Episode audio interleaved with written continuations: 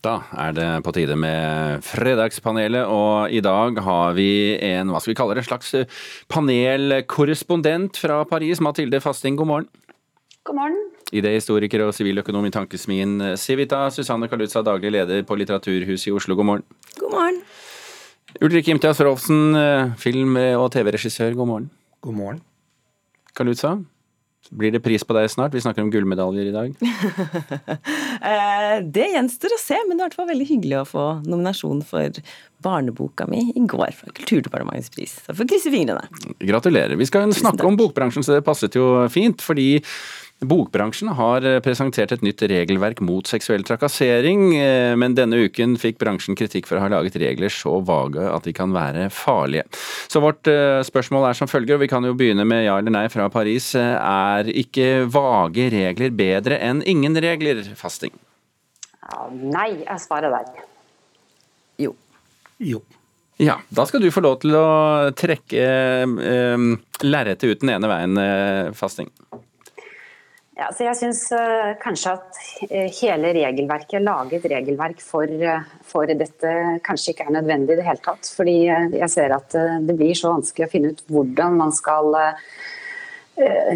opprettholde Altså hvordan du skal finne ut hvem er det som har brutt en regel, hvem er det som har konsekvensene av å bryte den regelen. Og det er ganske vage ting dette her dreier seg om. Det er metoo og det er sånne ting som er vanskelig ofte og subjektive. sånn at jeg leste hva Kristin Valle i Bergen sa, altså hun som er leder på Litteraturhuset der. og Jeg ser at det kan, kan, oppstå kanskje mange situasjoner her som ikke er så enkle å takle. og Disse reglene er ikke sikkert at de hjelper, men derimot et godt ledelsesansvar.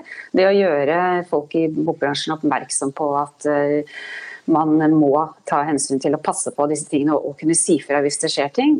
Det er jo en stor ledelsesoppgave, men jeg er ikke sikker på om regler her i denne sammenhengen vil fungere. Så svaret er altså nei. Jeg tror det kan bli mer bråk av det. Så du siterte altså litteraturhussjefen i Bergen. Vi har litteraturhussjefen i Oslo her. Kalusa, du var ikke enig i dette? Nei, jeg tenker at dette er ganske ordinære retningslinjer, lik det som er laget av mange organisasjoner og i mange bransjer de siste åra. Og ja, det er en slags skriftliggjøring av allmenn folkeskikk. Sånn forventer vi å ha det her hos oss. Og så er jeg helt enig med Mathilde at jeg skulle tro at ikke man trenger det. Men så viser jo en stor undersøkelse gjort av bokbransjen at over 30% har opplevd uønsket trakasserende atferd. 44% opplevde at at varselet ikke ble fulgt opp, selv om de varslet. Og én av ti visste ikke engang at de kunne varsle, eller hvor de skulle varsle til. Så jeg tenker at det disse retningslinjene gjør, er jo å gjøre tre ting.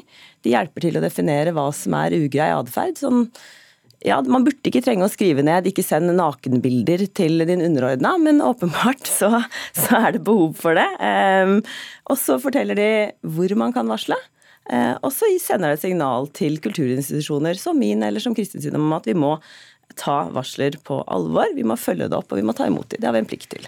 Jeg tenker det er helt streit. Men Rolfsen, er ikke dette litt sånn barnehageregler? Hvis vi ser bort fra selve innholdet. Apropos barnehageregler, vi har jo regler i, i samfunnet som ikke alltid fører til straffe straff i, i fengsel. Eh, og vi, sant, I en skolegård så er det ikke lov å, å kaste snøball, og du, du settes ikke i fengsel. Men da lærerne har sagt det, og da kan barna si til hverandre hei, ikke gjør det, det er ikke lov. Og det er litt sånn her også. Hvis man har et klart regelverk, så, så har man det i baklomma. Det er ikke bare for lederen å straffe folk, men de som er på en måte på gulvet sjøl, eller på en pub på litteraturfestivalen på Lillehammer, kan da gi hverandre litt gult kort. Den vitsen er ikke grei. Bare gult kort til deg, liksom. Så det er, det er, et verktøy for folk å bruke mellom hverandre. Og si at hør her, nå er vi enige om å ikke oppføre oss som drittsekker. Kan ikke du bare slutte, liksom? Mm. Før så har det kanskje vært drittsekkene som har fått lov å, å regjere. Nå har man et verktøy som man kan bruke. Syns det er bra, ja. Fasting, er ikke det greit, da? Bare litt, få litt oppmerksomhet?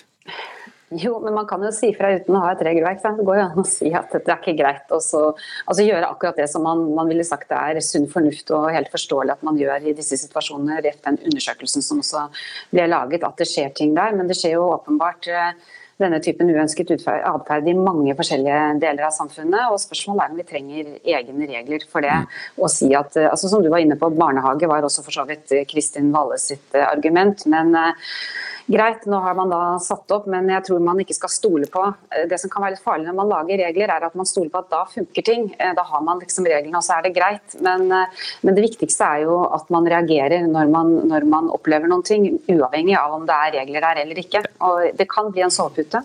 Og det kan være farlig. Vi, vi, Susanne Klutz har lyst på en liten kommentar der, men jeg setter strek der. Fordi jeg tror vi er ferdig diskutert på det spørsmålet. Vi går til spørsmål nummer to.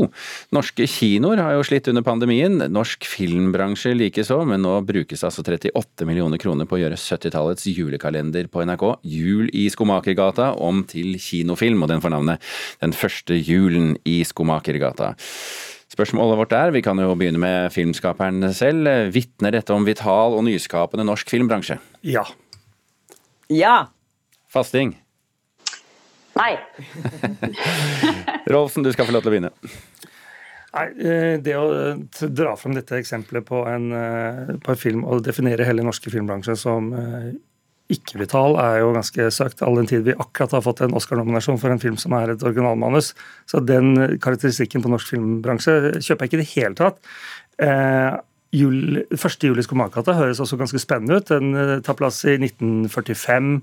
Eh, det er lenge før. Eh, Henki Kolstads karakter eh, er skomakeren, er jo en grinebiter. Det kan bli en, en, en spennende film. Eh, samme produksjonsselskap akkurat jeg er akkurat klar med, med filmen om Narvik, som er et originalmanus. Jeg, jeg, jeg syns ikke at dette er en uh, karakteristikk av norsk filmbransje. Uh, norsk filmbransje er uh, oppegående og klarer seg ganske bra og er mm. kjempedyktige folk. Mathilde Fasting?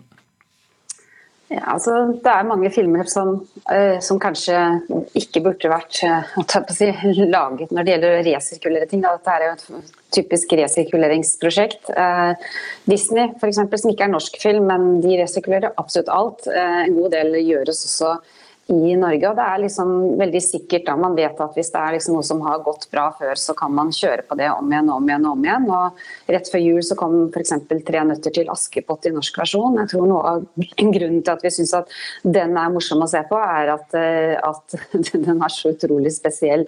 Den eh, varianten som vises på julaften hvert år, så er det ikke sikkert at du trenger å, å liksom skvise sitronen på nytt igjen der for å, for å kunne liksom være sikker på at det funker. Så For så vidt så kan jeg være enig enig at det finnes originalmanus som er bra i norsk film også. Vi vet det, som du var nevnt her, en Oscar-nominasjon og sånn. Men akkurat dette her, her, med å lage filmer ut av noe som liksom har vært for å være på den sikre siden og appellere til folks eh, skal vi si, barndommen eller et eller annet. Jeg er ikke sikker på hvem som kanskje skal se denne mm. filmen som husker 1946, men OK, kanskje barnebarn eller til og med oldebarn skulle kunne se den. Jeg vet ikke. Kalusa. Jeg tenker at det er, noe, det er, ikke noe, behov for å huske 1945 eller 1946 for å tenke at det er relevant med historier fra krigen. Eh, historien bør vi alle, alle lære noe om. Ei heller er det resirkulering, siden dette nå nettopp ikke er en remake, sånn som 'Tre nøtter til Askepott' var, men et en ny historie, et nytt manus, en ny fortelling om hva som skjedde før eh, Skomakergata-filmen. Men kan man ikke gjøre det, uh, skape et innhold uten å liksom knytte det til Skomakergata spesifikt? Det er, klart, det er klart man kan det. Vi har, vi har jo sett at man uh, f.eks. Maleficent, som var en utrolig god film eh, om hvor, hvordan den uh, onde heksa i Tornerose ble, ble ond, så handler dette om hvordan den blide skomakeren sluttet å være grinebiter, blant annet. Og så er det klart at jeg er 100 Eh, subjektiv her, og ikke objektiv i det hele tatt. For jeg er generasjonen som elsket Julie Skomakergata. Kommer til å se denne filmen uansett. Ta med ungene mine. Rolfsen, kommer du til å se den? Ja, det tror jeg. Prøver å se så mye norsk film jeg kan. Det er liksom programforplikta mm. til å, å, å, følge med. Men uh, jeg, jeg, gleder meg. Jeg tror det blir bra. Flinke folk. Vi hopper til neste spørsmål. Eh, kulturbransjen merker at folk har endret vaner eh, under eh, pandemien, og nå kan vi igjen da dra på konsert uten å måtte holde avstand og bruke munnbind, men folk kommer seg jo ikke opp av sofaen. De har ikke lenger frykt for å gå glipp av noe, sa festivalsjef for Parken i Bodø til NRK denne uken. Så vårt spørsmål er, vi kan begynne med deg Karlutza, som lager arrangementer for folk. Har det skjedd en fundamental endring med publikum etter pandemien? Nei. Fasting? Nei. Rolfsen? Nei. Nei. Du er eh, håpefull, med andre ord, Karl Jeg er det, altså. Jeg tenker at uh, ja, vi ser uh, nedgang i billettsalg. Jeg sitter også som styreleder i Drammen Teaterunion Scene. Der har vi sett en 55 fall i, billettsalget uh, for våren. Så det er klart det er fortsatt en akutt krise for kulturlivet. men vi må gi folk en mulighet til å krype ut av hula si og komme tilbake. Jeg tror ikke dette er en varig endring. Vi er fortsatt i en situasjon hvor vi har skyhøye smittetall.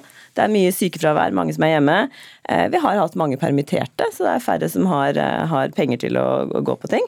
Men mest av alt så tenker jeg at, at, den usikkerheten som vi har levd med i to år, må få tid til å gå av seg. Um, tidligere så har mange kulturarrangementer blitt avlyst. Uh, så det vi ser på Litteraturhuset, hvert fall, det er at det er mindre langtidsplanlegging hos folk akkurat nå.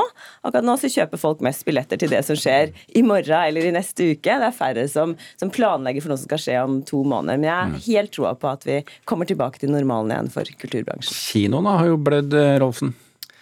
Ja, det har selvfølgelig vært uh, mye bløing rundt omkring. Uh, jeg tror at folk kommer tilbake. Som, som Susanne sier, kanskje tar litt tid. Jeg var i, selv i Operaen i Oslo i, i, går. Der var det stinn brakke.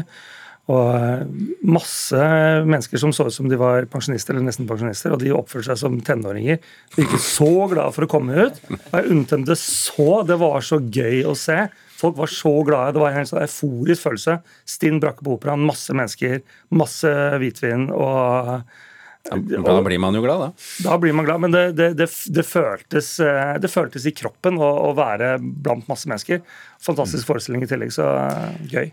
Uh, Mathilde Fasting, du er jo idéhistoriker, og du vet jo alt om hvordan uh, folk uh, og, og hele samfunn kan endre mentalitet.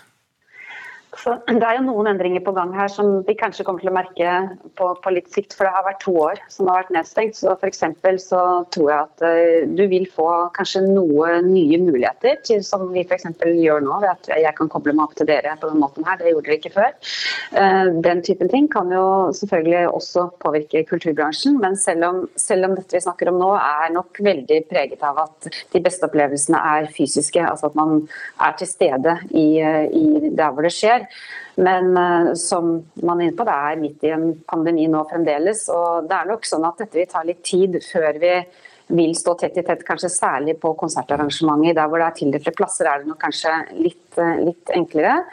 Men at vi skal komme til å se nye kanskje hybridløsninger på kultur, at det har skjedd ting også der, eh, er en positiv ting. Det som er negativt, er at det har vært en avskalling i bransjen også. Det er vanskelig og tøft for mange i kulturbransjen. Og de kan jo, hvis man mister teknikere, mister mennesker som kan ting, de søker andre jobber, ikke kommer tilbake, så vil vi jo kanskje få en test på det etter hvert. Da, om, det er, om det faktisk tar litt lengre tid enn vi tror, fordi det ikke er mennesker som tør å gå inn i, i denne bransjen av redsel for å plutselig bli stengt ned. Mathilde Fasting, eh, jeg registrerer at alle tre var optimister på kulturens eh, vegne i tiden som kommer, og jeg syns det er et fint sted å runde av Fredagspanelet. Mathilde Fasting med oss eh, på linje fra Paris, Susanne Kalutza og Ulrik Imtiaz Rolfsen. Takk for at dere var dagens fredagspanel.